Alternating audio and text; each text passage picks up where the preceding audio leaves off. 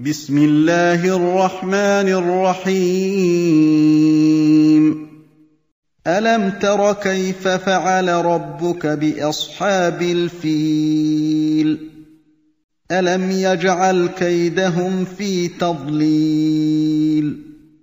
يخاطب النبي صلى الله عليه وعلى آله وسلم أو يخاطب كل من يصح توجه الخطاب إليه. فعلى الأول يكون خطاب النبي صلى الله عليه وعلى آله وسلم خطابا له وللأمة لأن أمته تابعة له. وعلى الثاني يكون خطاب عاما له ولأمته ابتداء. وعلى كل فإن الله تعالى يقرر ما فعل سبحانه وتعالى بأصحاب الفيل.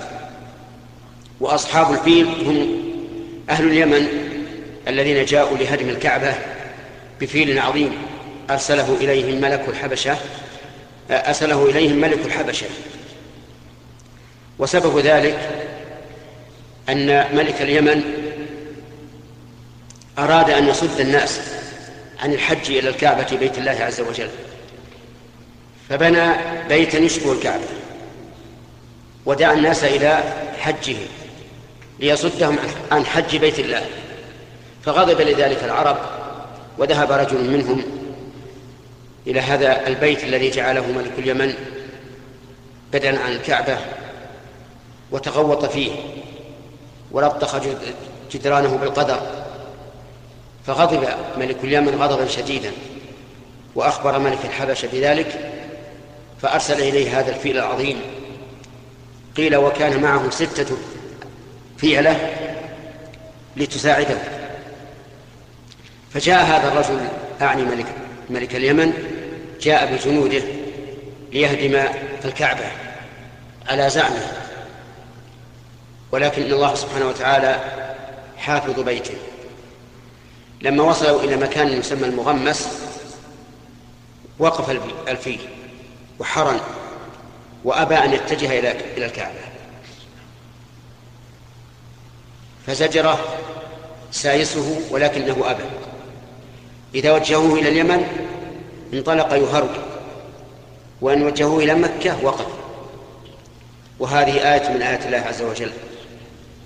ثم بقوا حتى أرسل الله عليهم طيرا أبابيل ترميهم بحجارة من سجيل وأرسل عليهم طيرا أبابيل ترميهم بحجارة من سجيل.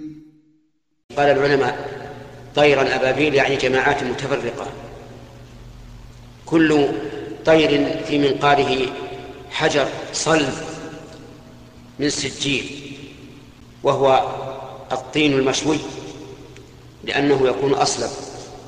وهذا الحجر ليس ليس كبيرا بل هو صغير يضرب الواحد من هؤلاء مع رأسه ويخرج من دبره والعياذ بالله. فجعلهم كعصف مأكول. فجعلهم كعصف مأكول. أي كزرع أكلته الدواب ووطئته بأقدامها حتى تفتت. هذا مجمل هذه هذه السورة العظيمة التي بين الله سبحانه وتعالى فيها ما فعل بأصحاب الفيل وأن كيدهم صار في نحورهم وهكذا كل من أراد الحق من أراد الحق بسوء فإن الله تعالى يجعل كيده في نحره وإنما حمى الله عز وجل الكعبة عن هذا الفيل مع أنه في آخر الزمان سوف يسلط عليها رجل من الحبشة يهدمها حجرا حجرا حتى تتساوى بالأرض. لأن قصة أصحاب الفيل مقدمة لبعثة محمد صلى الله عليه وعلى آله وسلم التي يكون فيها تعظيم البيت. أما في آخر الزمان فإن أهل البيت إذا أهانوه وأرادوه وأرادوا بإلحاد فيه بظلم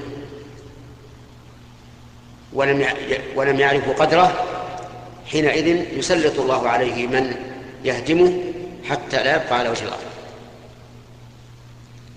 ولهذا يجب على أهل مكة خاصة أن يحترسوا من المعاصي والذنوب والكبائر لئلا يهينوا الكعبة فيذلهم الله عز وجل. نسأل الله تعالى أن يحمي ديننا وبيته الحرام من كيد كل كائد إنه على كل شيء قدير.